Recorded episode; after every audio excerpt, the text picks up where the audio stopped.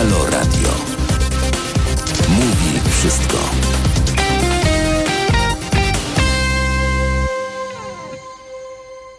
Jest godzina 13.13.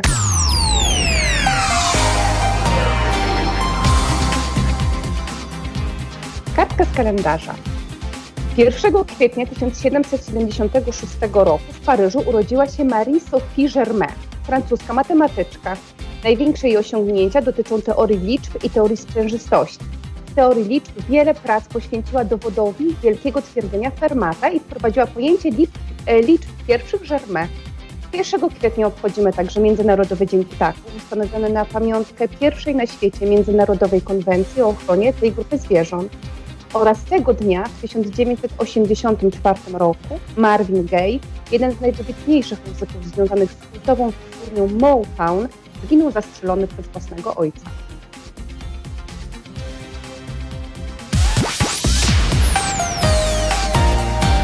Nie.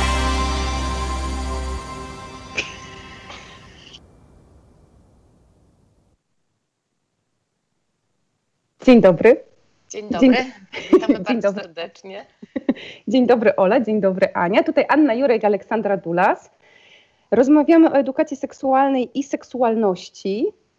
Tak już dobrze powiedziałam Ola, bo poprzednim razem mnie tutaj e, ten zdisowałaś trochę. Nie, ja po prostu rozszerzyłam to, o czym rozmawiamy, żebyśmy nie były takie, wiesz, w- wąski temat, żeby nie trzeba było ogarniać, dlatego żeby się e, nie okazało, że my po trzech audycjach już nie mamy o czym mówić.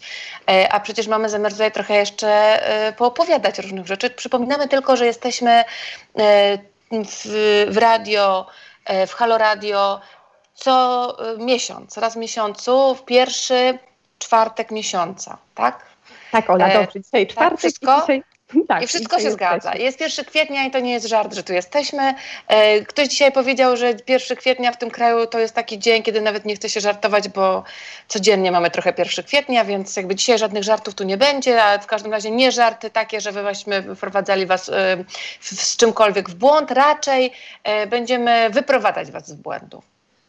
Tak jest, bo dzisiaj e, na tapetę bierzemy temat dotyczący seksualności jak zwykle, ale też takiej seksualności widzianej oczami dzieci. Czyli o co dzieci pytają, jakie pytania zadają już od małego, e, z jakimi pytaniami, e, ha, chciałam powiedzieć warto poczekać, ale nie, z jakimi odpowiedziami może warto poczekać, a z jakimi nie. Natomiast to, co chciałabym e, właściwie, od czego chciałabym zacząć, Ola, to jest taka rzecz, e, jak tobie się wydaje i czy ty pamiętasz jako dziecko, o co pytałaś, jeśli chodzi o płeć, narządy płciowe, seksualność? E, Za dobrze nie pamiętam, ale u mnie w domu była taka e, swoboda rozmawiania na te tematy, szczególnie jeśli chodzi o moją mamę, że ja nie, że, że, że po prostu myślę, że ja nie musiałam jakoś szczególnie pytać, po prostu e, rozmawiałyśmy i ja pytałam w trakcie takich rozmów po prostu na zupełnym luzie, więc to myślę, że nie, że nie mam za bardzo co pamiętać. Pamiętam jedną rzecz, jako taka młoda dziewczyna, już taka, myślę, taka wczesna nastolatka, zapytałam moją mamę, kto to jest homoseksualista, ponieważ usłyszałam to słowo w teleekspresie. E, I to, to pamiętam, bo moja mama tak przez chwilę tak zdrefiła, co ma mi powiedzieć, a potem dopiero e, zaczęła mówić. Nie pamiętam, jak mi odpowiedziała, ale wystarczająco chyba e, precyzyjnie i wystarczająco dobrze, że już potem jakoś nie miałam wątpliwości, kto to. Ja właśnie próbowałam sobie to przypomnieć i nie pamiętam. Znaczy nie pamiętam, czy myśmy o tym rozmawiali, rozmawiały, bo później to już pamiętam, jak miałam tak e, o 8-10, ale tych faktycznie wczesnych jakichś takich lat nie pamiętam, ale pamiętam, że na przykład jak byłam mała, naprawdę mała, to bardzo lubiłam się kąpać z moimi rodzicami, co mi teraz trudno sobie wyobrazić, że myśmy się w trójkę zmieścili w, tym, e, e, w tej wannie, ponieważ moi rodzice są wysocy, a ja byłam oczywiście wtedy mała, ale i tak... tak, no trudno mi sobie to wyobrazić, jak myśmy się wszyscy pomieścili, ale pamiętam, że bardzo to lubiłam, że to było dla mnie takim e, przejawem e, takiej bliskości, czułości i była do tego woda i było wesoło. To pamiętam. I też jest to ciekawe, bo często nas rodzice pytają na początku jakichś e, spotkań właśnie z rodzicami albo spotkań w przedszkolach e, właśnie o to, to znaczy czy e, dzieci powinny widzieć swoich rodziców nago, czy powinniśmy przy dzieciach chodzić nago i czy dzieci na przykład jak są w podobnym wieku, mają 3, 4, 5 lat, czy one razem powinny e, na przykład być w jednej e, wanience czy w jednej wannie, jeżeli są innej płci. I to jest pytanie? Tak. Taka historia, trochę, ale pytanie też. E, no tak, to pytanie rzeczywiście zadają nam bardzo często rodzice e, i ono nie ma jednej prostej odpowiedzi. To znaczy, to trochę zależy od rodziny, od domu, od kultury, od tego, z czym nam jest wygodnie, a z czym nie. E, w nagości samej w sobie nie ma absolutnie nic złego. Nagość jest aseksualna, nagość jest po prostu nagością, ciało jest po prostu ciałem. I nie ma absolutnie nic złego w tym, że kąpiemy się z dzieckiem, że dziecko się kąpie z drugim dzieckiem, nie tylko z rodzeństwem przecież, bo e, są takie e, momenty w życiu dzieci, że po prostu chcą się razem kąpać, bo mają po tam, nie wiem, 4 lata. I to, ta wspólna kąpiel jest po prostu przygodą. I przychodzi y, koleżanka do kolegi albo koleżanka do koleżanki i po prostu wymyślają sobie, o, wykąpmy się razem. No i to też nie jest żaden problem. Można na to pozwalać i y, obserwować nasze dziecko. To znaczy, że nasze dziecko bardzo y, radykalnie w którymś momencie postawi granicę. Już nie chce się kąpać z tą koleżanką, y, już nie chce kąpać się z mamą, już nie chce kąpać się z tatą, a przyjdzie taki moment, że będzie nas wyrzucało z łazienki i to też jest y, do uszanowania. Myślę, że nawet częściej y, najpierw zacznie nas wyrzucać trochę z łazienki, a jeszcze, a jeszcze będzie się z nami kąpać, ponieważ będzie wyznaczało to swoją granicę na, przykład taką, że jak idę siusiu, to chcę być już sam czy sama i zamykam się nawet w tej łazience i mama tam ma nie wchodzić. Ale jak mama robi siusiu, to już mi nie przeszkadza to, że ja tam wchodzę. Nie? Jakby to jest zupełnie już inna, e, inna kwestia i to, że mama potrzebuje też czasem e, trochę prywatności. E, więc też e, z jednej strony obserwujemy dzieci i pozwalamy im na to, żeby same ustalały swoje granice i ważne, szanujemy te granice, które dzieci ustalają, ale z drugiej strony też, jeżeli zaczyna dla nas być coś niekomfortowe, e, bo to dziecko nam się pakuje do łazienki wtedy, kiedy my chcielibyśmy, chciałybyśmy być same, to też mamy prawo powiedzieć córko, synu, zostaw mnie samą, to jest mój czas też dla mnie, też potrzebuję swojej, e, swojej samotności w łazience i, i, i, i uszanuj to, bo to też uczy bardzo pięknie budowania granic. Jak przy okazji tej łazienki, w której jesteśmy e, częściej może niż w innych sytuacjach, szczególnie zimą i jesienią, bez ubrań, e, to myślę sobie też o tym, jak nas często rodzice też pytają, do czego teraz też zachęcamy, to znaczy macie pytania, pytajcie, możecie pytać w komentarzach pod, e, na Facebooku, e, na naszej stronie, na stronie Halo Radio.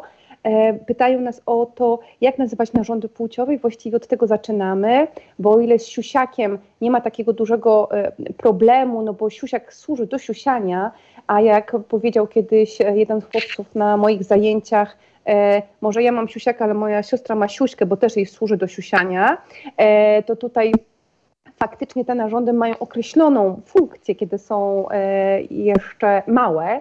E, to e, później już czasami, e, ale wydaje mi się, mam nadzieję, że coraz rzadziej jest kłopot z nazywaniem dziewczyńskich narządów płciowych i my stosujemy takie określenia jak na zajęciach cipka, wagina, oczywiście pochwa jako ten tunelik, który jest, e, który jest wewnątrz ciała i też mówimy o tym bardzo często, żeby jak rozmawia się z dziećmi, czy jest się nauczycielem, nauczycielką, jak ten temat wychodzi na przykład w przedszkolu, czy jest się rodzicem, czy jest się jakimś opiekunem, e, żeby nazywać te narządy takimi nazwami, jakie są medycznymi, a później ewentualnie szukać jakichś, jeżeli się potrzebuje, szukać jakichś alternatyw. Czyli mamy e, penisa albo siusiaka, czyli mamy e, waginę, wulwę, e, cipkę i później pochwę, czyli ten, ten, ten, ten, ten narząd w środku. I dobrze jest to wiedzieć i jakby nie, nie, nie zostawać jakimiś brzoskwinkami, muszelkami i innymi dziwnymi określeniami, bo jak mówią też seksuolodzy, seksuolożki, jeżeli dochodziłoby a doszłoby do molestowania seksualnego, to bardziej wierzy się dzieciom, które wiedzą, co się konkretnie wydarzyło i potrafią to nazwać bardzo konkretnymi nazwami, a nie, że ktoś dotykał mnie tam. Więc to jest taka, taki element profilaktyki antyprzemocowej. Tak, ale przede wszystkim też e, dobrze jest pamiętać o tym, żeby dziecko, każde dziecko naprawdę już od początku wiedziało, jak medycznie nazywa się ten narząd, no bo jakby nie znajdujemy jakichś nowych e, nazw dla nie nosa, ucha, łokcia i nagle penis czy wagina, sta, to, to szukamy jakiegoś innego określenia alternatywnego. Nie ma absolutnie takiej potrzeby, dziecko powinno to wiedzieć i to naprawdę już od samego początku. E, mało tego, mam wrażenie, że dzieci coraz częściej chętnie używają właśnie e, takich określeń i nawet małe dzieci twierdzą, że mają penisa i dla mnie to jest zupełnie okej, okay, a nie żadnego siusiaka, no bo fakt jest taki, że mają penisa. A ty nie masz jakiejś alternatywnej nazwy na swoją e, wątrobę, albo płuco, albo nerkę? Nie? Nie masz? Nie, nie, nie. A ty masz? Nie, ja też nie mam, ale tak chciałam zapytać, wiesz, no może my mamy jeszcze przed sobą jakieś tajemnice, no, warto je odkryć. E, więc myślę sobie też o tym, słuchajcie, że jak, e, jak, jak, się pracuje z dziećmi, jak się pracuje e, właśnie jakby blisko też czasami, jeżeli jesteśmy wychowawcami, wychowawczyniami w przedszkolu, to dobrze jest e, te normalne, przecież medyczne, biologiczne nazwy wprowadzać, bo wtedy zdejmujemy, mm, jakby to powiedzieć, jakieś tabu z tych narządów, to znaczy to jest normalna część ciała człowieka, ona jest ważna, tak samo jak inne części ciała i kiedy nie mówimy, na przykład to nie jest tak, że ukrywamy jakąś nazwę kolana albo rzepki, tak nie ukrywajmy też nazw e, tych narządów płciowych i z nimi o, oswajajmy, obywajmy się. I myślę sobie jeszcze coś takiego, e, o czymś takim, żeby trochę pozadawać dzisiaj takich pytań, które nam się pojawiały na zajęciach, żebyśmy się z nimi trochę pomierzyły. E, I ja Ci tutaj wylosuję jakieś pytanie. Czy Ty się zgadzasz? Nie. No to co teraz? No dawaj, dawaj, dawaj. Dobrze, to ja mam do Ciebie takie pytanie, które nam się często pojawia na zajęciach z dziećmi, z rodzicami, w przedszkolach bardzo często. Skąd się biorą dzieci? Jak to wytłumaczyć? To wszystko zależy. E, oczywiście w jakim wieku mamy dziecko, e, bo y, dzieci pytają oczywiście już bardzo wcześnie skąd się biorą dzieci. Mając 3-4 lata już potrafią zadać to pytanie.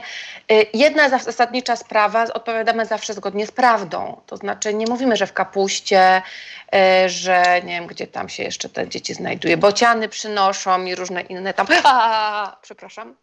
Przepraszam, przepraszam, jestem to nadal. Emocje, Ola, są. Emocje to emocjami, ale komputer na mnie spadł. E, natomiast natomiast to jest ważne, żeby mówić prawdę. Więc e, odpowiadamy, e, że dzieci biorą się z brzucha mamy. To jest pierwsza odpowiedź, która myślę powinna paść. Wtedy zazwyczaj pada pytanie kolejne, skąd się biorą w brzuchu mamy. O. To jest pytanie trudniejsze już. Ale jeszcze wcześniej jest na przykład, że biorą się z miłości. Rodzice odpowiadają i że z przytulania. Ale ja nie słyszałam o dziecku, które się by wzięło z samej miłości. No nie samej, Ola, ale też z miłości, ale nie tylko, że z samej, tylko między innymi z miłości. Ale musi za tym pójść ciąg dalszy, Ania. Znaczy ja tak to uważam. Prawda. To znaczy, że nie to można prawda. powiedzieć dziecku, że dzieci się biorą z miłości, ponieważ robi mu to mętlik w głowie, bo to by oznaczało, że jeśli ja kocham mamę, to co, możemy mieć wspólne dzieci, albo jak ja kocham tata, albo kocham brata, to mogą być z tego Ola, dzieci. Wszystko jest możliwe, ale obawiam się, że przede wszystkim byłoby to jednak y, do zawiadomienia do prokuratury, gdyby tak się się wydarzyło, to jest pierwsza rzecz, e, więc lepiej nie. E, więc lepiej już wcześniej powiedzieć dzieciom e, jakąś prawdę, żeby im trochę nie, nie, nie, nie, nie robić mętlików w głowie. Oczywiście miłość w tym wszystkim jest i ona jest potrzebna i ważna, ale też pamiętajmy, że nie niezbędna. Jednak dzieci, no możesz robić miny dowolne, ale jednak dzieci biorą się z tego, że ludzie uprawiają seks. I wtedy Proszę. pada kolejny. Co tak? Ale ty nie wiedziałaś, Jurek? Ty jesteś edukatorką seksualną? Ja tutaj wprowadzam dramatyczny element dulas po prostu, a ty mi tutaj po prostu, po prostu publicznie przed rzeszą ludzi, którzy nas słuchają albo i Obnażasz, że nie wiem tak, skąd się biorą dzieci. Dokładnie. W każdym razie Biorąc się z seksu, to trzeba powiedzieć dziecku. I to, I to, słowo na S warto wypowiedzieć przy dziecku i to im szybciej, tym lepiej, bo ono się wtedy e, osłucha z tym słowem i nie będzie robiło z tego jakiegoś specjalnego zagadnienia, e, bo seks to po prostu seks, tak? Jakby nic w tym za bardzo e, nie ma takiego do wypowiadania, co by miało nam jakoś przez usta nie przechodzić. E, Myślę też, że i... dobrze jest w ogóle osadzić ten seks, to co my często robimy i też fajnie nam się sprawdza, e, w takiej e, jakby to było w takim szerokim kontekście, że jednak wszyscy się wzięliśmy z seksu, że jednak mhm. wszyscy ludzie na świecie się wzięli z seksu, bo gdyby tego seksu nie było, oczywiście może być tak, że są dzieci, które się może nie biorą z seksu, bo na przykład jest to e, forma zapłodnienia pozoustrojowego, no ale oni jednak się biorą z tych ciał tych dwóch osób i z tych komórek specjalnych, super ekstra, super specjalnych komórek do zadań specjalnych, które mają za zadanie stworzyć nowego człowieka. E, I myślę, że też fajnie jest osadzać to w takim kontekście e, z jednej strony szerokim, a z drugiej strony takim nadającym niesamowitość tej historii, ponieważ to jest jednak niesamowite, że mamy taką super specjalną komórkę, która jest komórką jajową i super specjalną komórkę, która jest plemnikiem i jedna jest u kobiety, a druga jest u mężczyzny, jedna jest z jajników, a druga jest z jąder,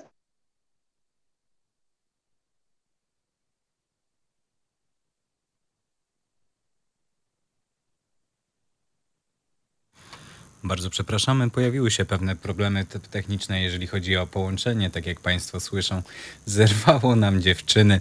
Wrócimy. Po... zacznie dzielić, to o! ona. Niestety. Wrócimy za chwilę do rozmowy. Za dużo tego było, Ola, chyba za dużo informacji i nas po prostu e, jakoś wycięło.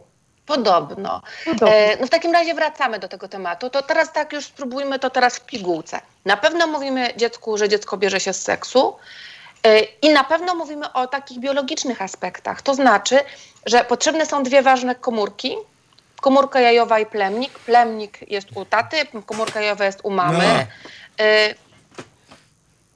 ale dźwięki do nas dochodzą. E, nie wiem, czy do Państwa też. E, ale jeśli tak, to mamy tutaj dodatkowe atrakcje. W każdym razie mówimy o tym. Mówimy o tym i mówimy o tym wprost. Fajnie jest się do tego przygotować, żebyśmy my jako dorośli też tak jakoś e, fajnie umieli o tym opowiedzieć. Skąd ta komórka gdzie ten plemnik, gdzie one się łączą, żeby dziecko dostało taki kawałeczek e, wiedzy po prostu biologicznej. No ale dzieci są wstrętne i dociekliwe i ciekawskie i pytają oczywiście, jak to się dzieje, mamo albo tato, że ta komórka jajowa z tym plemnikiem się łączą. No Ale i ja co wtedy, pani? Poczekaj, Aniu. Dulas, bo ty tak nawijasz po prostu, poczekaj.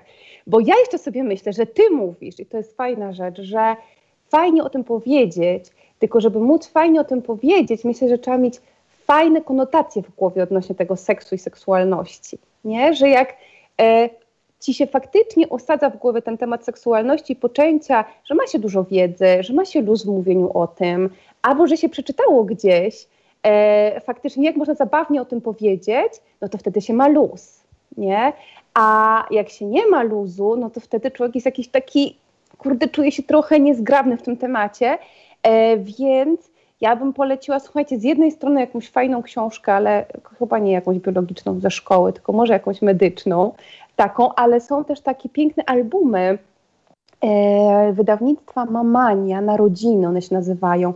I one mają, słuchajcie, w sobie takie przepiękne ilustracje ażurowe i jest pokazane jakim, e, tak w cudzysłowie, jakim owocem jest ten płód, który się rozwija w kolejnych miesiącach, znaczy jak jest duży i myślę sobie, że to jest też fajna taka pomoc, która nas po prostu może super wesprzeć. Tak, ja w ogóle też polecam korzystanie z książek, bo tam są y, y oczywiście dobrych książek. E, poszukajcie Państwo sobie takich książek, które Wam się sobie też będą podobać, gdzie będą ładne obrazki, e, gdzie tekst będzie taki, który będzie dla Was przyjazny. I to też jest fajnie, jeżeli na przykład mamy trudność w, w mówieniu, to czytać wspólnie taką książkę i coś tam sobie e, dopowiadać e, do tej książki. E, I to też, jest, to też jest pomysł. Natomiast jakby myślę, że warto o tym powiedzieć, bo dziecko naprawdę pyta o to i to dosyć wcześnie, jak to się dzieje, że ta komórka jajowa z tym plemnikiem się łączą. E, no i teraz Pani Aniu, niech Pani powie, taka Pani mądra. o, teraz wzięłaś sobie najprostszy kawałek, najłatwiejszy i mnie zostawiłaś penisa i pochwę. E, I to jest tak, że jeśli chodzi o budowę ciała człowieka, to w tych ilustracjach też, znaczy w tej książce z tymi ilustracjami ażurowymi w narodzinach to znajdziecie, ale że kurczę, no składamy się z różnych części ciała. Mamy nogi, kolana, palce, głowę, uszy, nosy i mężczyźni mają penisy, a kobiety mają waginy, wulwy i pochwy. I tak to zostało. I to wszystko mają razem? Nie. Jedni mają jedno, a drudzy mają drugie. A ty mnie teraz tutaj sprawdzasz. Ale ty powiedziałaś, że mają i waginy, i wulwy, i pochwy. No wa waginy, wulwy i pochwy mają razem, nie ma, mają jakoś oddzielnie. Ale czy to jest to samo, czy to jest nie to samo, A, żeby dziecko nie. w głowie się nie pomieszało? Tak, dobrze, dobrze, ty tutaj... Tyle tych narządów to aż tam nie ma.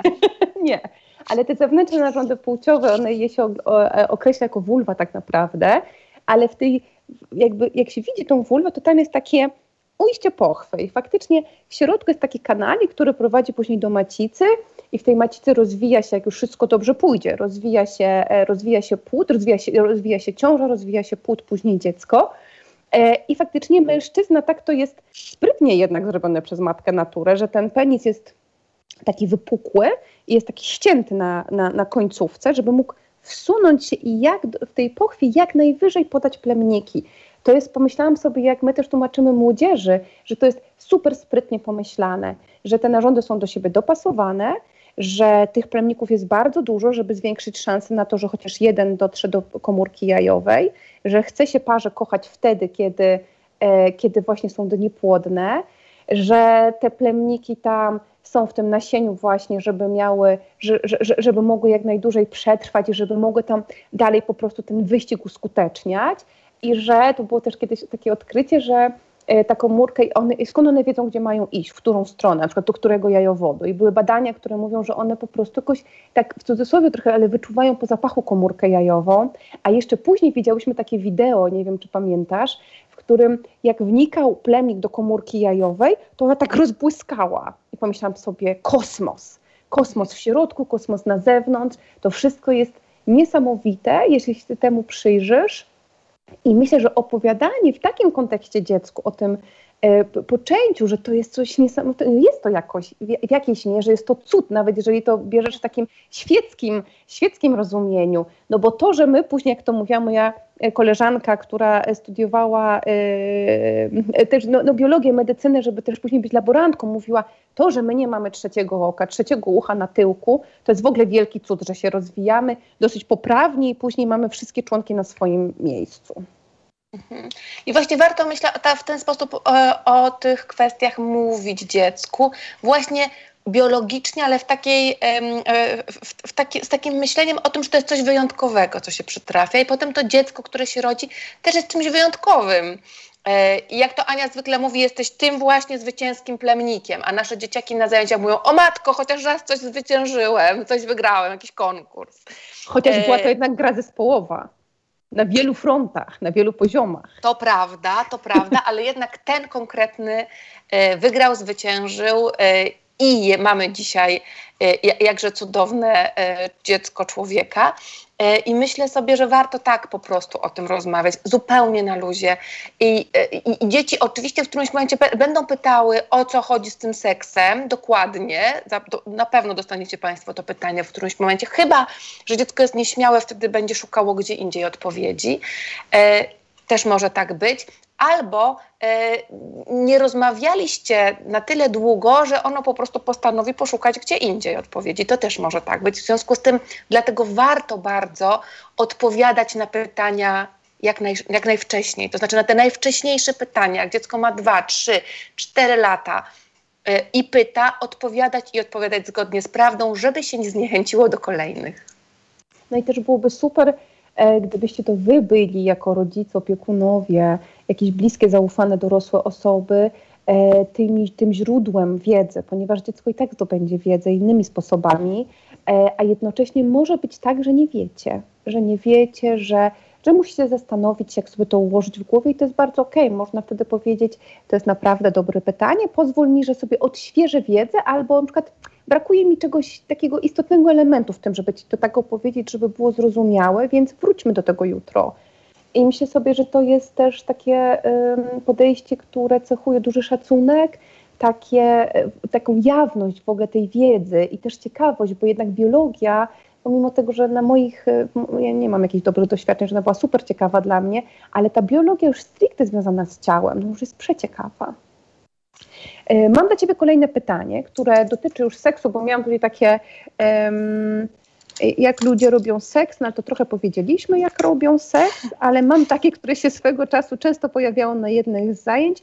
Dlaczego ludzie podczas seksu robią dźwięki? Ach, to już odpowiadałaś ty kiedyś od, na, to, na to pytanie, ale e, myślę, że na to pytanie są dwie odpowiedzi dobre. Po pierwsze, dlatego, że ludzie w ogóle, jak y, odczuwają jakieś silne emocje, to wydają z siebie dźwięki. Kiedy jest coś przyjemne, kiedy wchodzimy na przykład do ciepłej wody, to zdarza nam się mruczeć, bo to przyjemne. Kiedy wchodzimy do zimnej wody, to zdarza nam się krzyknąć, bo to jest dla odmiany nie do końca przyjemne, aczkolwiek potrafi być jednocześnie przyjemne i nieprzyjemne przyjemne. I to jest jedna odpowiedź, że po prostu ludzie w emocjach, po prostu te, te, emocje wyrażają dźwiękiem, a ponieważ w seksualności i w seksie e, chodzi też o emocje, o, o czułość, o przyjemność, e, o, to, o, o te wszystkie fajne rzeczy, które nam płyną z ciała, no to y, wydajemy dźwięki. Natomiast druga jeszcze jest kwestia taka, że w seksie czasami, tak jak w sporcie, y, zdarza nam się zmęczyć. Y, I jest to wysiłkowe wydawanie dźwięków, bo jak na przykład y, kopiemy piłkę, czy uderzamy piłkę bardzo mocno, to też wydajemy dźwięk przy serwie, na przykład w siatkówce. I podobnie jest w seksie, więc myślę, że to jest to, to, to, po prostu jest, dźwięk jest czymś, co płynie z naszego ciała e, i mało tego, on jeszcze dodatkowo to ciało e, jakby masuje od środka. Ja odkąd zaczęłam e, trochę, trochę śpiewać, e, e, uczyć się, jak, jak śpiewać, to, to, to, okazało się, że to jest fantastyczny masaż e, dla człowieka taki masaż duszy i ciała w środku, w środku człowieka. I myślę, że dźwięki, które się wydaje w trakcie seksu, to jest podobna rzecz. Przy czym e, też zachęcamy do tego rodziców często, żeby jednak, e, jeżeli są tacy mm, tak, generują dużo dźwięków podczas seksu, albo jeżeli szczególnie mają jakieś takie intensywne seksy, to żeby jednak oszczędzili dzieciom tych, tych dźwięków za ścianą i żeby uprawiali seks ja bym nawet nie chciała, że, znaczy nie chciałabym nawet mówić, wiesz co, że cicho, bo kurczę, każdy ma inną ekspresję, ale żeby w miarę możliwości uprawiali tak ten seks, żeby dziecko się nie przestraszyło, nie zastanawiało, nie dobijało do, do drzwi, nie było jakoś super zaciekawione tym, co znaczy, się ja dzieje. jestem tutaj radykalna, to znaczy dziecko mm. nie powinno słyszeć seksu rodziców, koniec, kropka. Nie powinno widzieć seksu rodziców, koniec, kropka. Natomiast jeśli to się wydarzy, to, to znowu nie skaczemy z okna i nie wiem, nie idziemy na psychoterapię całą rodziną, e, tylko tłumaczymy dziecku, co się wydarzyło, co widziało, że to jest miłość, że rodzice się kochają, w związku z tym e, w związku z tym uprawiają seks. Na, na, różne sposoby sobie to okazują. Okazują, dokładnie tak. E, I wytłumaczyć to, że dorośli w ten sposób okazują sobie e, ciepłe uczucia. Myślę, że to jest bardzo ważne. Natomiast z drugiej strony naprawdę dbajcie Państwo o to, żeby dziecko nie uczestniczyło e, w Waszym życiu seksualnym. Tak, bo to jest też taka rzecz, o której, e, no nie wiem, czy to tak sobie myślimy, jakby pomyślmy sobie z drugiej strony, jakby bez tego całego, całej wiedzy i doświadczenia, które mamy, to może być dziwne dla dziecka, to może być niepokojące, można nie być pewnym, co się dzieje, czy to faktycznie jest dla kogoś przyjemne, czy nie. E, I nie na darmo później, jak my siedzimy na jakichś różnych e, spotkaniach albo pod, pod, podczas szkoleń zastanawiamy się, przywołujemy różne traumatyczne, traumatyczne rzeczy, z których możemy się pośmiać, że tak, bo oglądanie jednak seksu albo słyszenie seksów rodzi seksu rodziców nie należy do przyjemnych nigdy. Jest obrzydliwe, kiedy jest się nastolatkiem i niepokojo niepokojące, kiedy jest się dzieckiem. Więc jakby fajnie byłoby o, to, e, o, to, e, o tym pamiętać. Czy ty masz dla mnie jakieś pytanie? Bo ja mam Czy dla ciebie dla... jeszcze. Ty masz dla mnie dużo pytań, ja dla ciebie też mam no jakieś ja pytania. No, no to, daj mi, to daj jeszcze jedno ty dla mnie, a potem ja ci, da, ja ci dam po przerwie. Dobrze. Ja mam takie, czy dwie kobiety mogą uprawiać seks? Mogą. Dziękuję. I mam jeszcze jedno, takie dosyć taką prostą również odpowiedzią, więc nie będzie tutaj, nie, nie, nie, nie ma jakiejś wielkiej zastanowienia, czy chłopak może zakochać się w chłopaku? Tak. No i widzicie, no niektóre odpowiedzi są skomplikowane tak, i złożone, ja a niektóre proste. Ale to jest ważne, że te pytania zadałaś, Ania, bo ja myślę, że to warto podkreślić, że jak są takie proste odpowiedzi, to odpowiadajmy prosto i nie drążmy tego za bardzo. Jeśli dziecko zacznie drążyć, no to oczywiście odpowiadamy na kolejne pytania. Ale na proste pytania udzielajmy prostych odpowiedzi i koniec, jakby ko kończmy temat. E, bo dziecko sobie samo, to jest bardzo ważne, e, samo sobie reguluje, ile wiedzy na dany moment e, jest mu potrzeba. Jeśli jemu ta jej wiedzy wystarczy, to nie pyta dalej. A jeśli stwierdzi, dobra, jeszcze, to na pewno da nam o tym znać. To ja mam jeszcze jedno, jeszcze zdążymy przed przerwą. Czy część intymna może być radioaktywna lub napromieniowana? No jeśli człowiek jest ra, ra, napromieniowany cały, to część intymna też może się napromieniować. Dziękuję. Jesteś specjalistką wysokiej klasy, Ola Dulas. Ale pytania też są naprawdę górna półka. Drodzy Państwo, przypominamy, że możecie zadawać pytania y, na Facebooku, na, Facebooku, na Halo Radio. Halo Radio. Zachęcamy do tego bardzo serdecznie, będziemy chętnie na nie odpowiadać, bo nie jesteśmy w stanie wymyślić wszystkiego. Oczywiście to, co tutaj prezentujemy, to jest z zajęć i z rozmów z rodzicami, ale podejrzewam, że jesteście w stanie wygenerować dużo jeszcze lepszych pytań. Zapraszamy.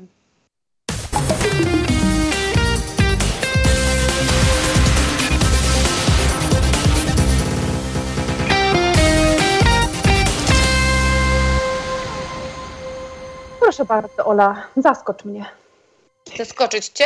No Tak. to ja mam pytanie od naszego realizatora Pawła, który y, tutaj nam za, y, za zasłony, za kurtyny zadał pytanie. Otóż, a co w takiej sytuacji, kiedy rzeczywiście warunki mieszkaniowe nie pozwalają na to, żeby uprawiać seks bez dzieci, czyli mamy jeden pokój na przykład, no i co wtedy? E, No słuchajcie, trzeba to tak zorganizować, trzeba to tak wymyśleć, żeby dzieci nie były uczestnikami seksu dorosłych. No to jest, wiecie co, to tutaj nie ma co negocjować w takim kontekście, że my jak później chodzimy do domów dziecka, ośrodków socjoterapii, to dostajemy informację, że będziemy pracować z dziećmi, które, em, e, które mają bardzo różne warunki mieszkaniowe i którym jak rodzice obok uprawiają seks, to kładzie im się e, kot na głowę, żeby nie widziały. Więc wiecie co, to jest, to są y, no, naganne praktyki, że tak powiem jakoś, nie wiem, delikatnie. E, to znaczy nie może tak być. Słuchajcie, no wyobraźcie sobie też, że wy byście widzieli swoich rodziców e, uprawiających seks. Jest to no chyba, no właśnie, obrzydliwe to jest jakby chyba ta rzecz, e, bo, y, no bo nie ma się warunków do tego w ogóle, żeby to zrozumieć. To jest bardzo intymna sytuacja dwu, dwu, dwójki osób. No albo trzeba te dzieci wysłać na, na, na spacer właśnie z psem, albo się tak zorganizować z innymi rodzicami, że jak my wiemy, mamy pewność, że jesteśmy zdrowi i ta druga na przykład rodzina jest zdrowa, że czasami my bierzemy czyjeś dzieci, a czasami oni biorą nasze. No i tak się organizować, albo poczekać do późna w nocy, żeby te dzieci e, zasnęły i one śpią sobie w swoim pokoju obok. My jesteśmy w pokoju obok. Ale Wtedy- mówimy o sytuacji, kiedy nie ma pokoju. A, kiedy nie ma pokoju obok. To jest jeszcze kuchnia i łazienka prawdopodobnie, Tak. gdzie też można ewentualnie uprawiać seks. W ostateczności las i samochód. Tak, właśnie chciałam powiedzieć o tym lesie, le- lesie właśnie i samochodzie, tylko trzeba uważać, bo jednak pokazywanie gołego tyłka komuś może spowodować, szczególnie jak na ko- kogoś to zaskoczy albo Mandat. e, jakoś tak, jakoś zaskoczy albo zbulwersuje, może spowodować mandat. Natomiast nie, Więc nie słuchajcie, jedziemy do parku często używanego, tylko w takie miejsce, które jest ustronne. Tak, to ważne jest. głęboko w las. Głęboko w las z kocykiem. Teraz robi się coraz cieplej, to można jakoś korzystać z tego. Natomiast tak, to jest strasznie ważne, bo później te dzieciaki się z tym mierzą. To znaczy mierzą się z tym, z widzeniem tego, czego nie rozumieją, e, czego nie wiedzą, jak sobie z tym poradzić. Nie ma tego, do czego przyłożyć w swojej głowie. To jest absolutnie zbędne doświadczenie i taka rzecz, którą się naprawdę czasem przerabia na terapiach. Później, jak się jest starszym po prostu, czy starszą. E, Więc ogarniajmy się, my chcemy dla swoich dzieci jak najlepiej i chcemy dla siebie jak najlepiej. Szukajmy różnych rozwiązań. E, Tutaj e, podpowiedziałyśmy kilka. Wymieniajmy się też różnymi dobrymi e, radami, wskazówkami z innymi zaufanymi rodzicami.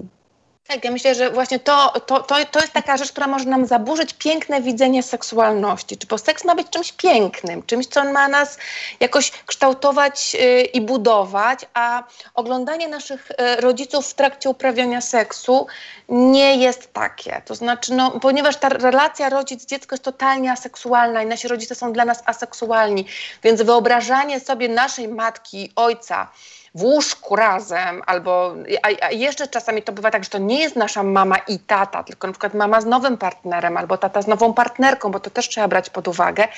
Tym, ty, to jest bardzo trudne dla dzieciaków i e, no, no tutaj nie, nie ma żadnej taryfy ulgowej, po prostu chronimy dzieci przed tym. Myślę sobie, że w drugą stronę działa to tak samo, jeżeli mówimy o dzieciach, które są nastolatkami, to znaczy to też jest ich intymny świat, to też jest ich intymna przestrzeń i nam nic do tego. E, To jest też ciekawe, myślę sobie w kontekście tej seksualności, bo tak dużo mówimy o tym budowaniu bliskości, intymności, czułości. No więc przez to jakby, no to jest też tak, że ktoś inny nie partycypuje. My nie mówimy oczywiście o dorosłych osobach już, które się umawiają na różne formy seksu, bo to w ogóle jakby dzisiaj o dzieciach i o rodzicach, czy opiekunach. Jakby dajmy sobie tak, że możemy rozmawiać o seksualności w jakimś e, kontekście e, zdrowia i higieny z dziećmi, ale w kontekście już bardzo konkretnych praktyk, no to to już są tematy dla nas. I też fajnie by było, żeby e, te nasze rozmowy o takiej seksualności bardzo indywidualnej, co ja tam z tatą robię, albo co ja tam z mamą robię, no pozostały po prostu naszymi rozmowami, a nasze dzieci nie muszą sobie wokół tego budować żadnych wyobrażeń, bo to jest im do niczego niepotrzebne, a może im zaszkodzić na Im przyszłość. wystarczy, Im wystarczy sama wiedza, że rodzice się kochają, przytulają, są dla siebie czuli i uprawiają seks. Chociaż To dziecko może wiedzieć. Choć to dziecko może wiedzieć. Dzieci też to pamiętam, ja miałam taką znajomą, która właśnie, jej, jej dzieci się zorientowały jakoś, jak miały chyba z 10-12 lat i mówi, ale mamo, ty chyba tatą nie uprawiasz seksu, mam nadzieję. A ona mówi, ale dla, dlaczego, dlaczego tak myślisz? A on mówi, no nie wiem, bo to jakieś by było obrzydliwe, ja cię bardzo proszę, wy tego nie róbcie. I oni mieli długą zagwozdkę, też mieli jakieś tam różne rozmowy z tymi dzieciakami, jakby o co im się zahaczyło to uprawianie seksu jako coś takiego niefajnego albo dziwnego. I ona właśnie mówiła, no my z tatą uprawiamy seks, bo to jest tak, że my to lubimy, że to buduje blisko i że nam jest w tym fajnie, tylko że to jest nasza sprawa. E, I jak ty mnie prosisz, żebym ja nie uprawiała seksu, to ja się raczej martwię, co ty widziałaś, co słyszałaś, że ty myślisz sobie o tym seksie, że on jest jakiś nie w porządku i że to jakoś nam, nie wiem, uwłacza może, jakoś nas, jakoś nas wikła w jakieś takie niecne, nie- niecne historie. Myślę sobie, że w, w tym kontekście wtedy warto jest prześledzić jakby jakiś ten proces zdobywania tej informacji przez nasze dziecko i po prostu to e, e, od, odczarować i znowu iść w kontekst, jakby iść cały czas w kontekst tej, tej pozytywnej seksualności. No dobra, to mamy chyba to, skąd się biorą dzieci to, jak uprawiać seks, mając w domu dzieci w miarę opowiedziane. E, ja- bym chciała przejść do takich tematów związanych w ogóle z cielesnością, e, bo to są kolejne tematy, które wydaje mi się, że się, e, że- się pojawiają i właśnie między innymi ten temat mm, nagości e, w domu, e, nagości na basenie, nagości i cielesności w różnych aspektach naszego życia gdzie ona jest ok, gdzie ona jest nie ok, kiedy jest ok, a kiedy nie jest ok. No miałyśmy takie pytanie, czy nie wiem, jak bierzemy dziecko, tata bierze córkę na basen, a ona ma lat trzy, no to no, nie puści jej samej przecież do, y, do, do przebieralni dla dziewczyn, a no, czy ją zabrać do przebieralni dla, e, dla, dla, dla mężczyzn. No i teraz jakie, jak, jak radzisz, Ania? Do przebierania albo do, też do y, pod prysznic, Mhm. bo są te przebieralnie, które są czasami takie wspólne, że faktycznie można się w jakichś tam kabinach przebrać, a czasami, ale później są rozdzielne te, te, Prysznice. te prysznice, na które, z których wchodzimy na, e, na pływalnię. E, To e, ja radzę tak, to znaczy zależy, jak się ten tata czuje w tej sytuacji i też jak reagują inni panowie pod prysznicem. Bo jak panowie po prostu wpadną w jakiś dziki popłoch i zaczną zakrywać swoje penisy, to to dziecko jakby nikt nie zauważyłoby tego, pewnie by wzięło prysznic i by poszło, no bo też ja mam wrażenie, że dziecko jak jest takie małe, to on się jakoś tak specjalnie nie rozgląda. Jeżeli ono bierze za pewnik to, że no, ludzie są nadzy, super, że się kąpią, bo powinni się wykąpać przed prysznicem i się umyć e, i przechodzi sobie dalej, to jest luz. Natomiast jeżeli widzimy, że e, ci panowie dziwnie reagują, to zastanówmy się, czy może nie fajniej by było robić tak, że ja idę na przykład z synem do męskiej, e, do męs pod męski prysznic, a ona idzie z mamą do, do żeńskiej i jakby robimy sobie taką wyprawę rodzinną.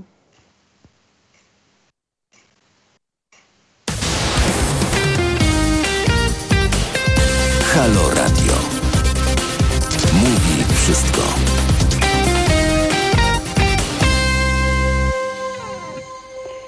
Wracamy do tematu seksualności widzianej oczami dzieci, czyli o co dzieci pytają, jeśli chodzi o seks, narządy płciowe, ciało, nagość. I ty, Ola, wywołałaś już ten temat dotyczący ciała i nagości i tego, hmm, jak sobie z nim, ra- jak bym powiedziała, jak sobie z nimi radzimy w domu. Czy to jest dla nas e, takie łatwe chodzić nago, czy krępujemy się dzieci? e, kiedy my jesteśmy nago, co nam tam w głowie siedzi, nam dorosłym, kiedy faktycznie mamy jakieś poczucie, że może to jest nie okej, że moje dziecko widzi mnie nago. Myślę, że to są, że, są dwie rzeczy. Znaczy, pierwsza rzecz to jest to, że kobiecie łatwiej jest się rozbierać przy dziecku, między innymi dlatego, że karmi je piersią. Jej ciało, które je po pierwsze wydało na świat, e, nagie, później jest obnażane przy karmieniu tego dziecka, więc ciało mamy jest dla dziecka czymś absolutnie naturalnym i że ono po prostu jest, e, a piersi mamy są generalnie służą do jedzenia tym kobietom, szczególnie tym dzieciom. Znaczy te dzieci tak kojarzą, które oczywiście są karmione piersią, bo nie wszystkie dzieci są e, karmione piersią. Więc to jest jeszcze, mm, więc to jest jeszcze ta kwestia. Więc kobiety, kobietom łatwiej pewnie, E, mężczyznom nieco trudniej, e, ale też nie zawsze nie, i różnie jest w różnych domach. To jest wszystko trochę takie e, rzeczywiście kulturowe, nie? czyli to zależy. Z drugiej strony, tak z jakimś rozrzewnieniem myślę o tych saunach i gorących źródłach na północy, w którym po prostu chodzi dużo golasów, E, I, I, nikt się tym nie przejmuje. I dla wszystkich to jest naturalne, że, no, że ciało jest ciało po prostu. Ja bym bez niego nie mogła istnieć. Ja w, w nim mieszkam i, i, i, w nim będę funkcjonować do końca życia. Mm, I jakimś takim, tak, z jakąś taką nawet nostalgią to nie, ale z takim rozrzewnieniem o tym myślę, e, bo też pamiętam, jak byłam w Berlinie e, i tam jest Muzeum NRD. I oni mają jedną z wystawek, mają z takich drobnych ludzików zrobioną plażę i tam na tej plaży, e, na tej wystawce, tam ktoś gra e, w siatkówkę, ktoś się opala, ktoś czyta gazetę, ktoś wchodzi do wody i wszyscy są nago. I jest taka właśnie informacja, że w NRD było tak, że faktycznie dużo było tej kultury takiej ak takiego akceptowania cał, yy, cielesności. cielesności. Tak, i nagości, że to było normalne, że ludzie tam sobie po prostu takie, tak trochę sobie śmieję się, jak sobie wyobrażam takich nagusów grających w siatkówkę, ale myślę sobie, że to jest strasznie przyjemne, bo e, też to jest takie bezpośrednie odczuwanie w ogóle słońca, wody, e, właśnie trawy, jeżeli się leży gdzieś na trawie, to jest bardzo przyjemne. No ale zobacz, to też w krajach skandynawskich i w ogóle na północy mamy tę te, taką łatwość akceptowania jednak cielesności, to, że te ciała są różne. E, natomiast my mamy bardzo wysokie standardy, to znaczy, że jeżeli jesteś niewystarczająco, nie wiem, piękna, wystarportowana, szczupła, to do tego ciała nie masz prawa pokazywać publicznie, bo to jest obrzydliwe. To jest coś, co słyszymy i to się słyszy po prostu, wiecie, w naszych rodzinach, od przyjaciół. No, no niestety musi, musisz, musisz spełniać standardy, żeby pokazywać się e, publicznie rozebrana. Kobieta po 60 w topless na polskiej, w ogóle kobieta na polskiej plaży w topless za zapłaci mandat, to jest inna rzecz, nie? Natomiast e, po 60 to ona mało tego, że zapłaci mandat, to jeszcze będzie pewnie e, potraktowana jako w ogóle ktoś, e, kto łamie wszelkie normy społeczne, to znaczy jest nieatrakcyjny i jeszcze śmie pokazywać swoje ciało. Ja bym była za tym, żebyśmy zrobili jakąś rewolucję po prostu golasów. Na Czy w Polsce nie było rewolucji seksualnej? Tego nam myślę cały czas brakuje. My jesteśmy po prostu e, społeczeństwem, które cały czas ponosi tego konsekwencje. Znaczy my cały czas jesteśmy pospinani seksualnie, boimy się o tym mówić, boimy się rozebrać, e, boimy się o, sw o swojego ciała, e, stawiamy mu bardzo wysoką poprzeczkę. Mamy odsetek nastolatek, które nie akceptują swojego ciała, najwyższy w Europie chyba, albo drugi w Europie od końca, yy, czy, czy o, jako najbardziej nieakceptujące się, siebie nastolatki. E, I nadal ciśniemy siebie nawzajem, ciśniemy kobiety starsze, które mają właśnie być e, porządne, być babciami, mają chować swoją seksualność. To się troszkę zmienia, ale myślę, że to wszystko jest bardzo, bardzo, bardzo jeszcze w powijakach. No i mamy, i córki, które słyszą swoje mamy, które ciągle nie akceptują swoich ciał. Muszę się odchudzić, muszę nie wiem, zrobić sobie coś tam poprawić, że, żeby móc. E, no teraz zaczyna się cała akcja y, wiosna. Akcja wiosna to jest akcja odchudź się, odesij się, y, wygładź się, żebyś mogła założyć kostium kąpielowy. Nie możesz założyć kostiumu kąpielowego tak po prostu, założyć go i pójść. Ja bym powiedziała, że taką niezłą odtrutką na to jest ten profil, o którym ostatnio Ci mówiłam, który odkryłam dzięki z kolei Weronice Jóźwiak, naszej przyjaciółce z fundacji, e, a mianowicie Celeste Barber na Facebooku. E, to jest taka e, kobitka, która parodiuje te wszystkie reklamy z tymi super wylaszczonymi modelkami i robi to z tak absolutnie wielkim urokiem, wdzięcznością, że ja za każdym razem po prostu śmieję się w głos.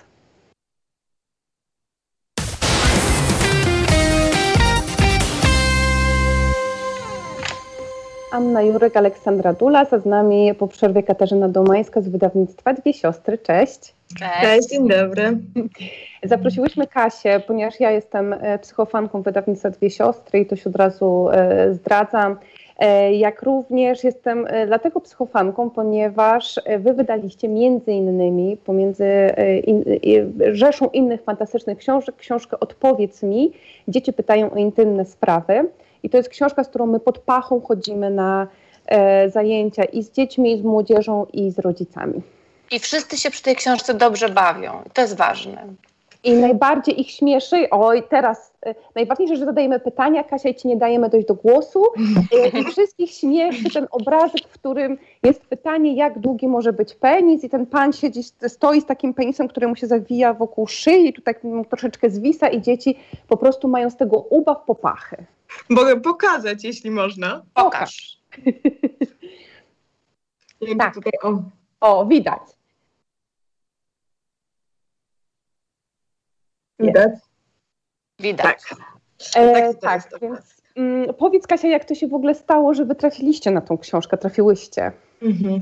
My tą książkę znaleźliśmy, jak wiele zresztą zagranicznych tytułów, na targach e, w Bolonii. To jest, e, no, były na razie w zeszłorocznej edycji, nie było ta, nie wiadomo co z nią, aczkolwiek są to targi, największe targi książki dziecięcej na świecie, takie święto książki dziecięcej. I i to jest czas, w którym wydawcy chodzą po stoiskach zagranicznych wydawców i oglądają, co im wpadnie w ręce. I ta książka y, zwróciła naszą uwagę bardzo szybko. Y, I okazało się, że rzeczywiście y, no, czegoś takiego nie ma na rynku, y, a myśleliśmy y, o książce w tym temacie już jakiś czas słuchając też potrzeb czytelników, którzy nam mówili nieraz, że prosimy coś właśnie o wychowaniu seksualnym, o cielesności, o, o, tych, o, o tych sprawach, jak to się mówi. Więc y, myślę, że ta książka akurat bardzo dobrze odpowiada na te potrzeby. To jest jedna rzecz. Druga rzecz jest też taka, że ten duet jest niesamowity. Katrina von którą miałam przyjemność poznać, yy, bo też mnie zaprosiłyście na spotkanie, które jeszcze się odbywały, w ogóle wszyscy się spotykali razem i się cieszyli, że się widzą yy, na, na festiwalu książki w Warszawie. Yy, też właściwie pracuje trochę tak jak my, to znaczy chodzi do dzieci i młodzieży i zbiera te pytania i później Ankę Kul E, zrobiła do nich przezabawne rysunki i w ogóle mam takie poczucie, że one są jakby równoprawnymi autorkami tej książki w związku tak. z tym. Tak, rzeczywiście jest tak, że Katarina von den Gatten jest praktyczką i to widać bardzo dobrze w tej książce. Ona się składa, tak jak Ania powiedziała, z takich karteczek, tutaj na dole karteczek zapisanych przez dzieci, no w oryginale, oryginalnie napisanych przez dzieci, tutaj musiały być przetłumaczone. E, są to karteczki, które.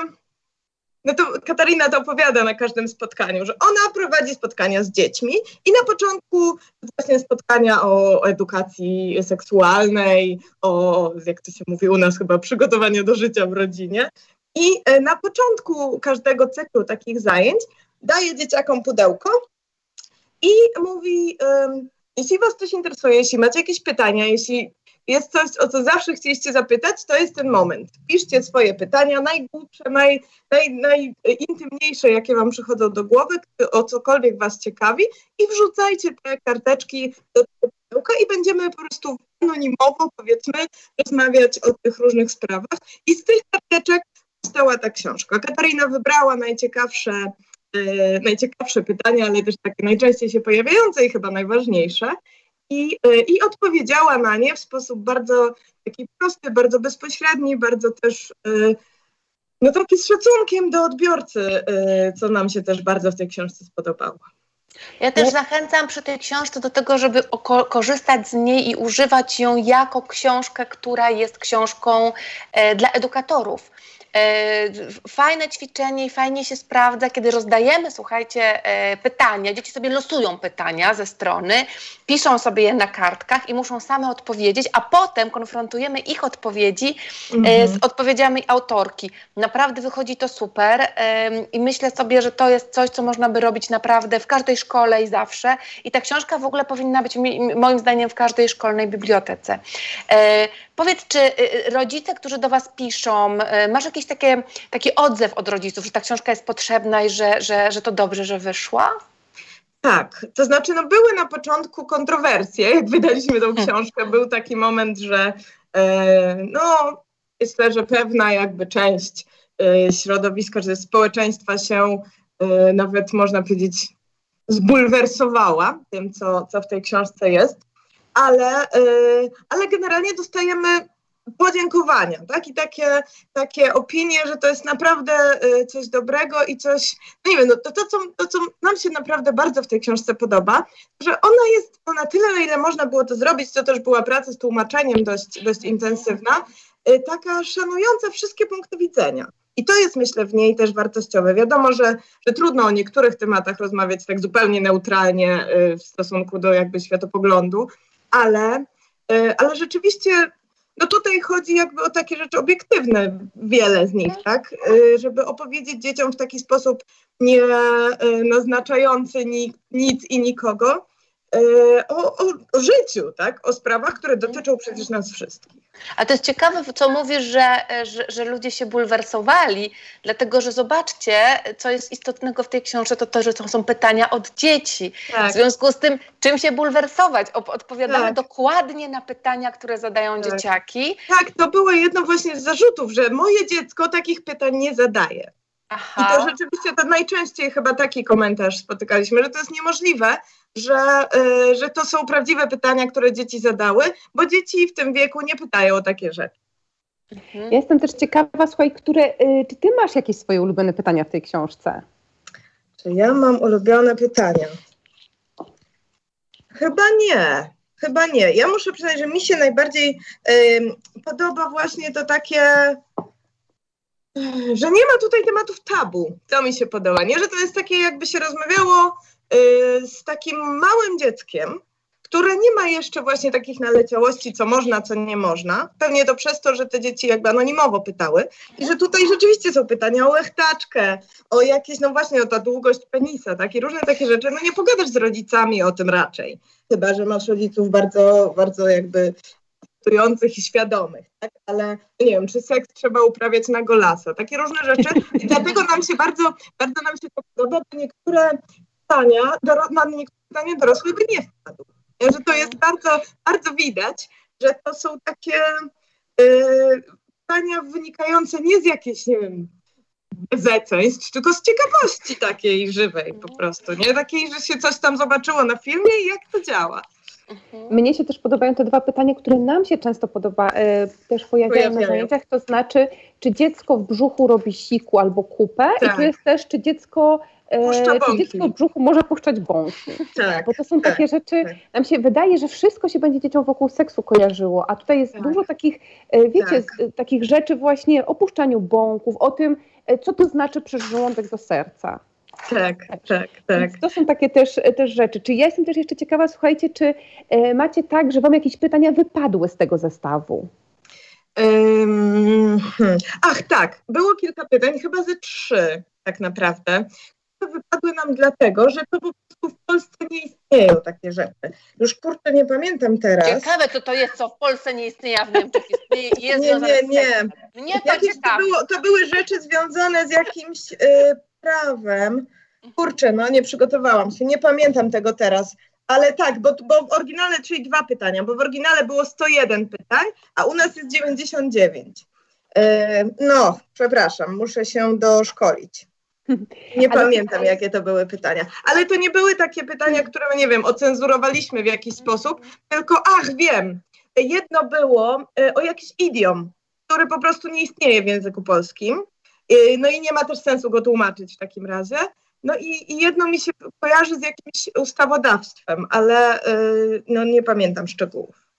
E, ja pamiętam, że też jak Katarina była na tym spotkaniu, które organizowałyście, to ona pokazywała zdjęcia z zajęć i ja Tak. pamiętam, byłam zachwycona, wtedy dzwoniłam do Oli i mówię, Ola, my musimy zrobić sobie, poprosić kogoś, żeby nam zrobił takie wielkie pluszowe narządy. makiety, tak, tak. Bo dzieci faktycznie tam miały takie wielkie jakieś jajowody, jakieś te jajniki, one były takimi pluszowymi, po prostu ogromnymi rzeczami. Tak. Pomyślałam sobie, Boże, jakie to musi być przyjemne tam je dotykać i Mhm. liziać i jednocześnie się o tym uczyć. tak, E, tak. Więc to mi się też, e, to mi się też bardzo podobało.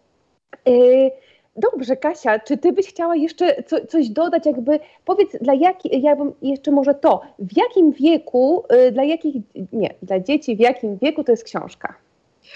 Y, My ją mm, polecamy dzieciom w wieku mniej więcej 10 plus. Y, ten to oryginalne wydanie y, w Niemczech ono jest polecane tak mniej więcej 8. Ale, no, ale sobie pomyśleliśmy, że też po to trochę, żeby, nie wiem, dać rodzicom y, taką możliwość y, i też mówimy o tym i też piszemy o tym w książce, żeby y, no, rodzice się zapoznali najpierw z tymi treściami, żeby po prostu zobaczyli, co chcą dzieciom, dzieciom dawać. No ale oczywiście wszystkie te, no, nie wiem, ograniczenia wiekowe, powiedzmy w cudzysłowie, które my piszemy na stronie, są umowne, nie? Więc, więc oczywiście najważniejsze jest to, żeby rodzic zapoznał się z książką i, i jakby, żeby on zdecydował tą książkę dziecku dać, y, no bo to jest po pierwsze temat powiedzmy ważny, a po drugie ważne jest też, no nie wiem, mi się wydaje, że, że może nawet najważniejsze, czytać ją właśnie z rodzicem, tak? Żeby ten rodzic uczestniczył w tym, żeby można go było zapytać, żeby to rzeczywiście był jakiś do dialogu, a nie masz czytaj i yy, no, i mam to z głowy, i mam to z głowy Tak, jako rodzic. tak, Tak, to, to, to jest super. To jest bardzo ważne. Myślę, że wszystkie te książki, które dotyczą cielesności, to są właśnie książki do czytania razem. A powiedz jeszcze, czy planujecie jakieś e, książki jeszcze w tym temacie wydawać? No jest druga część, e, odpowiedz mi, nad którą się zastanawiamy już jakiś czas, bo ona tak naprawdę wyszła już, e, czy zaraz po tym, jak my wydaliśmy tą pierwszą część, ona się ukazała w Niemczech, Mm, ale ona jest e, już troszkę też taka trudniejsza i taka bardziej, no powiedzmy, jeszcze trudniejsze są te tematy. Też takie wydają nam się bardziej em, jeszcze chyba e, takie poszarpane. Bo tutaj rzeczywiście jest, y, no to co powiedziałaś Aniu, jest taki duży wątek o, o ciąży, o takiej rozrodczości, powiedzmy takie zwykłe pytania właśnie o tym, jak się zachodzi w ciąży, czy to boli i, i tego pępowinę, takie różne rzeczy, które są ważne też, ym, no wiadomo dlaczego, a y, no i też cały ten wątek jakby o seksualności. A tam już jest dużo takich rzeczy, które myślę, że byłyby, które po pierwsze są takie już może nawet bardziej dla młodzieży. Myślę, że w każdym tak jak patrzyliśmy na nie, że to może, może się troszkę w Polsce mijać z wiekiem, a też, yy, no a też może jeszcze sekundkę. Cały czas się zastanawiamy nad tą książką, cały czas one, mamy ją na tapecie i, e, no i czekamy na dobry moment i u nas, i może na świecie, w społeczeństwie. Kasia, dzięki serdeczne. Oczywiście ja do, dopytam, a księgarnia jest czynna, można do Was przychodzić. Można do nas przychodzić, można zamawiać książki przez internet, zapraszamy serdecznie. Dzięki bardzo. Bardzo dziękujemy. Dziękuję Polecamy bardzo. książkę Odpowiedz mi, dzieci pytają o intymne sprawy. E, Wydawnictwo Dwie Siostry, a z nami była Kasia Domańska z wydawnictwa. Dziękuję bardzo, polecam Dzięki. serdecznie. Do widzenia, dzięki. Cześć. Cześć.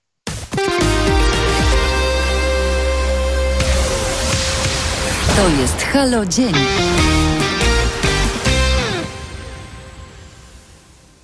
Była z nami przed chwilą Kasia z wydawnictwa Dwie Siostry i mówiła o książce Odpowiedz mi, e, z którą pracujemy na zajęciach i z dziećmi, z młodzieżą i z rodzicami. Ale ja mam jeszcze dla Ciebie, Ola, trudne pytanie. Czy Ty jesteś Oczywiście. gotowa? Jestem na wszystko gotowa. Oczywiście, zawsze. O matko. E, ja mam takie pytanie, które nam się też pojawia i mi się wydaje, że ono też spędza trochę e, sens powiek rodzicom i trochę i tam wprawia kolana, kolana w drżenie. Co to jest sex shop?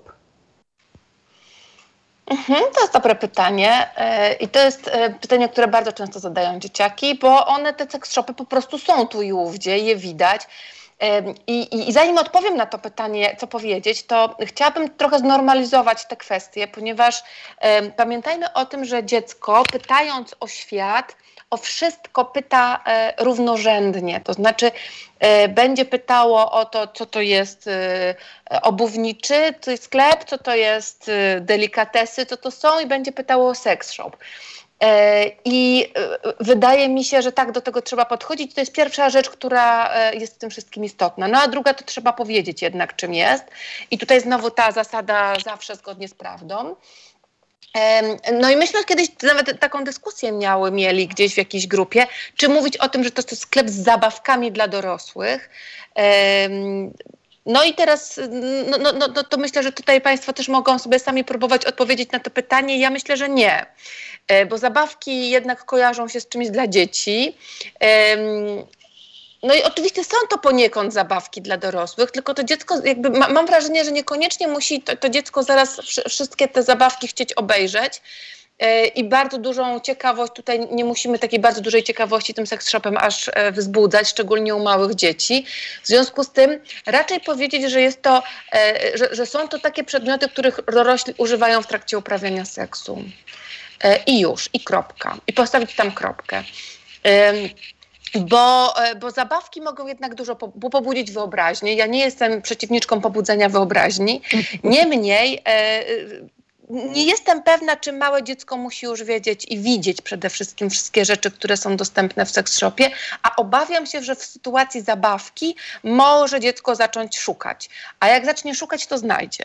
E, to z całą pewnością. Tym bardziej, że wszystkie prawie nasze dzieci mają dostęp do internetu i żebyśmy nie wiem, jakie filtry założyli, żebyśmy nie wiem co e, jak bardzo się starali pilnować, to w kwestii seksualności dzieci są bardzo przebiegłe i przenikliwe i na pewno znajdą odpowiedź jak również specjaliści od algorytmów, szczególnie od tych, które mają promować filmy e, o tematyce seksualnej i pornograficznej, też są bardzo dobrze wyspecjalizowani w tym, żeby docierać do swoich odbiorców.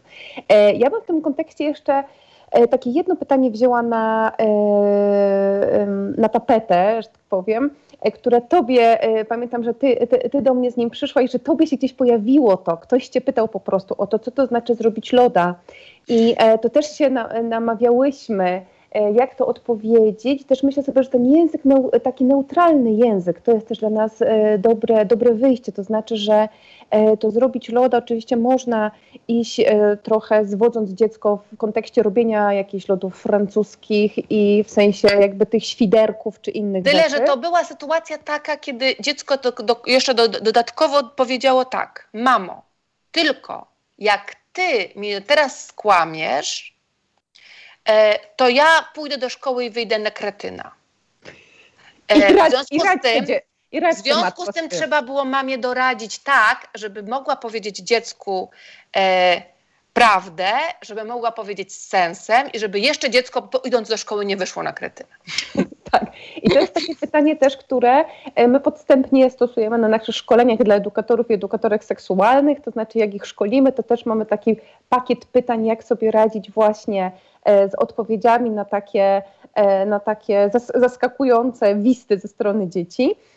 I my wtedy miałyśmy taką, tak, taką odpowiedź, taki pomysł, że to jest pewien, że to jest w ogóle wulgarne określenie, ono często funkcjonuje w wulgarnym kontekście, na całowanie czyichś narządów płciowych. A jak ludzie się strasznie kochają, to sobie całują tam różne części ciała. I ucho pocałują, komuś piętę pocałują, i niektórzy całują narządy płciowe. E, jak się obie strony zgodzą, jest to dla nich przyjemne. E, I to jest tyle. I też myślę sobie, że mm, ten wytrych używania języka, który jest taki przyjemny, to znaczy on jest właśnie niewulgarny, Y, jest taki opisowy trochę, ale jednocześnie zdejmujący to odium dziwności z tej sytuacji, jest czymś takim, co warto praktykować, warto trenować, warto się tego uczyć, bo to też y, nam po prostu pokazuje, że przecież że, że język można uży- języka można używać na różne sposoby, tak w kontekście używania języka, który mówimy. Widzę, Ola, o czym myślisz.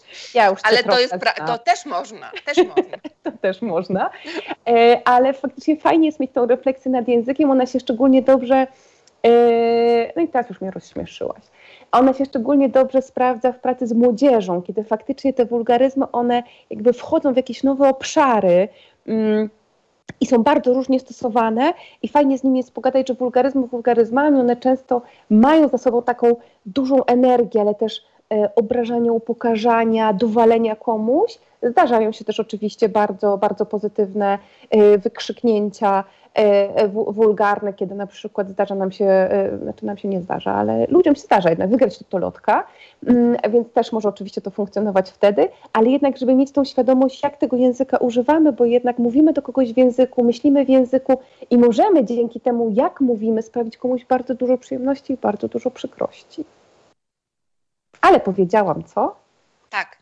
E, w ogóle język jest ważny. Język jest ważny i to, jak mówimy, i myślę sobie, że tutaj znowu to, to budowanie słownictwa wcześniej, kiedy dziecko jest małe i umiemy nazywać e, choćby narządy płciowe, albo w ogóle mówić, wymawiać przy dziecku słowa se, słowo seks, to nam będzie procentować w okresie dojrzewania, kiedy dziecko właśnie zada nam pytanie, a co to znaczy zrobić komuś loda, a co to znaczy nie wiem, co, co, co to jest seks oralny, analny o wszystkie te rzeczy może nam dziecko, nas dziecko zapytać.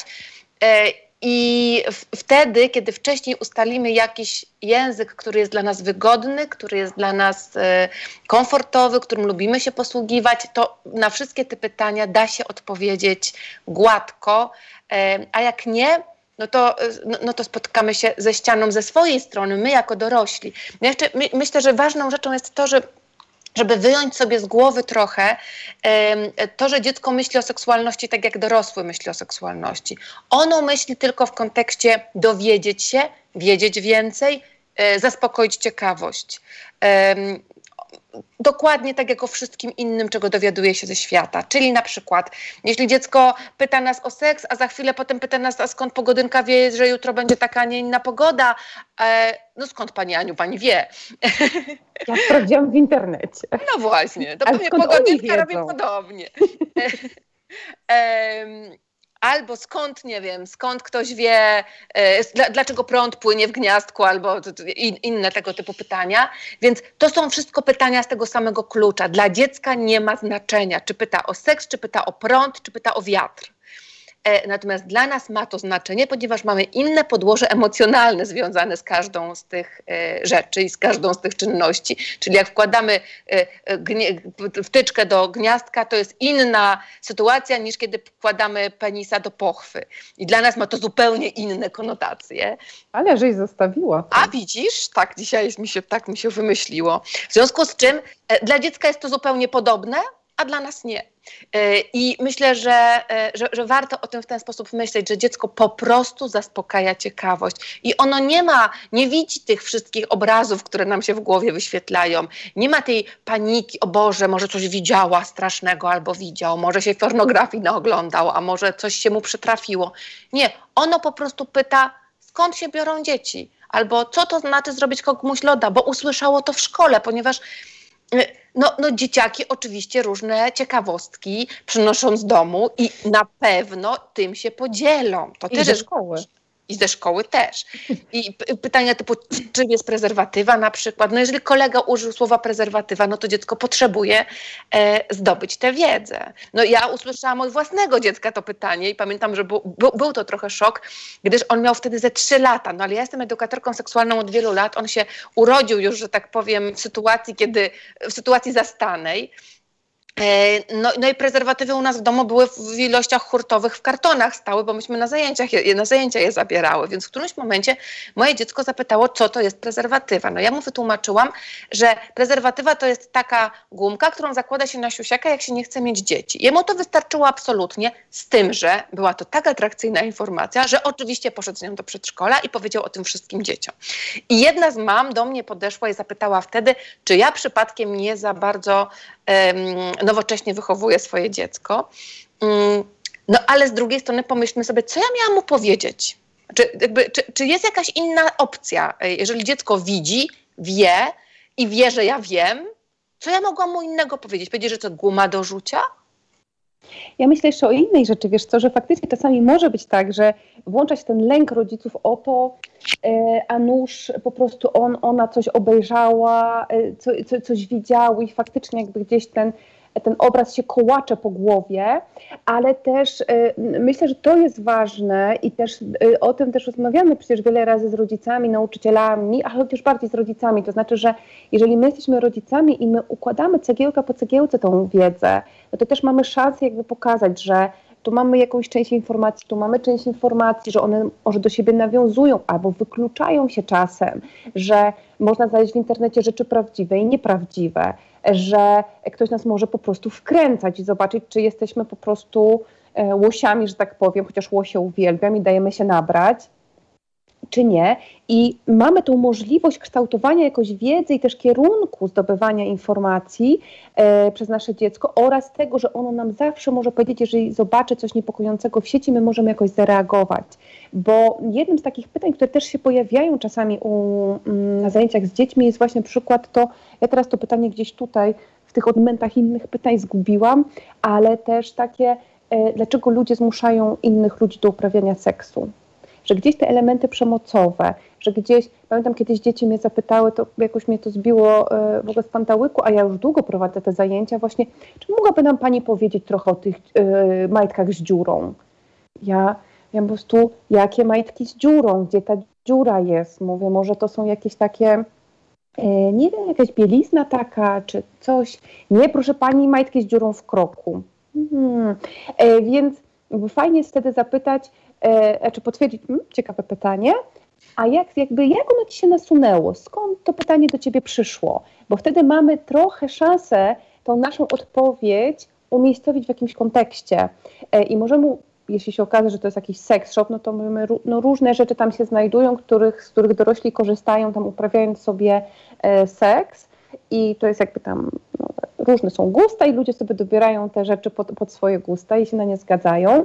E, natomiast też fajnie jest, kiedy my wiemy trochę jakby skąd się wzięła ta informacja i faktycznie możemy wtedy pokierować na przykład, że tak, zdarzają się takie sytuacje, że ktoś kogoś do, do, zmusza do seksu, ale to jest przestępstwo i to się robi wtedy drugiej osobie wielką krzywdę i się przysparza cierpienia. I mam takie doświadczenie, że jak się mówi o tej krzywdzie, a szczególnie o cierpieniu, że ktoś bardzo cierpi w związku z tym, to dzieci naprawdę to rozumieją i one są przejęte tą sytuacją. Szczególnie jeśli mówimy wcześniej o tym seksie i seksualności w takim bardzo pozytywnym kontekście, że ona powinna być przyjemna, że powinna być fajna. No i wtedy oczywiście ktoś może wyskoczyć, no tak, no co z prostytucją, a po co z prostytutkami, proszę pani. No tak, zdarzają się takie sytuacje, ale wtedy też opowiadamy trochę o tym, że słuchajcie, no... Stawiamy to w kontekście zawsze, tak. nie? I że też nie wiemy, co się to... To są osoby, o których nic nie wiemy. E, i nie wiemy, co im się przytrafiło, jaka jest, ich, jaka jest ich historia. Czy one pracują, bo chcą, czy pracują, bo ktoś, je, ktoś ich zmusza. Fajnie by było, żeby dzieci nie musiały trafiać na tematy dotyczące handlu ludźmi za wcześnie w swoim życiu, no ale jeśli trafią, no to myślę, że to jest nasza odpowiedzialność, nasza jakaś taka inwencja też, żeby to y, wytłumaczyć, nie przerazić dziecka, ale jednocześnie pokazywać, że bywają obszary niebezpieczne w życiu, tak jak we wszystkim, i bywają takie, które są piękne, wspaniałe i dobre. Amen. o, jakaś amen. E, ponieważ tutaj dostajemy sygnał, że jest 14.45 i nas czas dobiegł końca. Wyobrażasz sobie, Ola, że to tak szybko minęło w takim dobrym towarzystwie, ja, ty i Kasia? Fantastycznie. W takim razie widzimy się już za miesiąc, ale właściwie to będziemy się widzieć jeszcze wcześniej, tylko w innym kontekście, ale o seksualności będziemy rozmawiać za miesiąc, a wypatrujcie nas jeszcze w Halo Radio, ponieważ tu i ówdzie będziemy się pojawiać. No to może powiemy, że my będziemy w sobotę, Ola. O Możemy tak powiedzieć. Ale nie powiemy Wam jeszcze, z kim się będziemy spotykać, bo to jest niespodzianka, ale napiszemy na naszym Facebooku, czyli na e, Facebooku Fundacji Nowoczesnej Edukacji Spunk. Tam nas możecie znaleźć, możecie nas znaleźć na Instagramie i gdybyście się e, obawiali i obawiały, że edukatorek, edukatorów seksualnych w Polsce jest za mało, to śpieszymy was, do Was z informacją, że my szkolimy teraz 40 fantastycznych osób, które będą w 14 województwach w całej Polsce, ponieważ robimy kampanię Edukacja Seksualna Polska. I oni będą już wszyscy tak znakomicie przeszkoleni, że będziecie mogli namierzyć konkretnego edukatora i edukatorkę, zaprosić ich do siebie organizować spotkania otwarte edukacji seksualnej, spotkania z rodzicami, z dyrekcjami. Wszyscy będą szczęśliwi, fajerwerki, serpentyny i brokat. Generalnie nie daje się od góry, to my kopiemy od dołu i mam nadzieję, że edukacja seksualna dotrze pod strzechy, a my słyszymy się za miesiąc. Dzięki.